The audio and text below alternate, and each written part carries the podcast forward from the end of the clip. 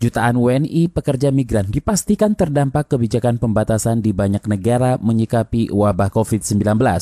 Gelombang kepulangan mereka ke tanah air menjadi tak terbendung. Banyak risiko yang harus diantisipasi pemerintah. Simak laporan yang disusun tim KBR dibacakan Sindu Darmawan. Masih saya di Malaysia belum ada ini virus-virus ini belum ada. Pas di bandara baru saya tahu ada namanya virus corona. Masih saya di ladang belum. Ada. Sekitar sebulan yang lalu, Ferry memutuskan pulang ke kampungnya di Desa Anjani, Lombok Timur, Nusa Tenggara Barat. Pasalnya, sudah tidak banyak pekerjaan di kebun sawit yang berada di Sarawak, Malaysia. Pekerja migran berusia 21 tahun ini mengaku baru mengetahui ada wabah COVID-19 saat tiba di bandara. Sesampainya di desa, ia menyandang status orang dalam pemantauan atau ODP dan harus menjalani karantina selama 14 hari di rumah. Ada juga dokter pergi sini juga kami punya kadus ini kan kepala kampung yang anu yang baru-baru pulang pulang merantau itu langsung dicek. Ah, dari sana sudah kita tahu kita tidak positif lah kena itu virus dan alhamdulillah lah masih tetap sehat walafiat. Ferry kini menganggur karena akses pintu masuk dan pekerjaan di negeri jiran praktis tertutup imbas wabah corona. Ia mengandalkan sisa tabungan hasil mengais rezeki selama lebih dari dua tahun. Saya tidak kerja juga ini, masih duduk-duduk di rumah saja. Jarang keluar saya, jarang bergaul lah sekarang. Pasal ini virus ini yang bikin takut semua orang sini juga. Kami juga sini diperhatikan juga sama kadus kami sini dilarang kelompok keluyuran di luar lah. Disuruh diam-diam banyakkan. Ferry mulai cemas dengan nasib ke depan jika wabah ini tak segera berlalu.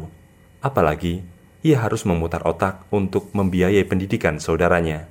Padahal, dulu, ia bisa mengumpulkan sedikitnya 3 juta rupiah per bulan. Ya khawatir lah kalau tabungan habis untuk makan apa.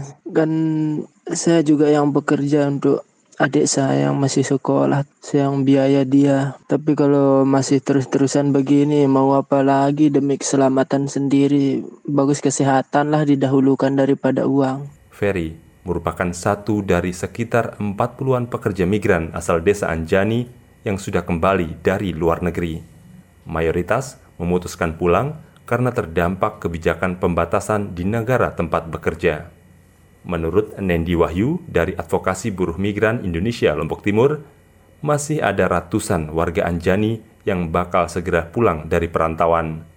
Nendi bersama perangkat desa setempat telah menyiapkan protokol kesehatan untuk memantau para ODP.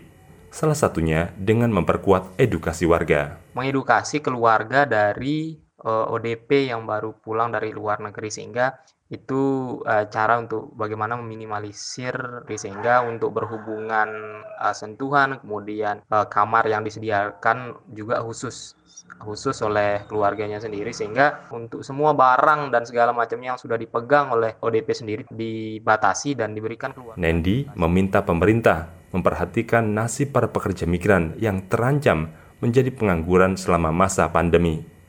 Terlebih, warga setempat sangat mengandalkan penghasilan dari bekerja di negeri orang. Saya rasa itu menjadi permasalahan awal sih permasalahan mendasar yang nantinya bisa menimbulkan permasalahan baru. Karena kalau habis itu kemudian mereka berpikir berangkat lagi dan remiten atau hasil gaji yang dikirim itu habis untuk eh, masa-masa karantina dan masa-masa mereka ada di sini untuk mencari pekerjaan dan segala macam. Pemerintah mewaspadai gelombang kepulangan WNI terutama dari Malaysia yang bisa mencapai satu juta orang lebih.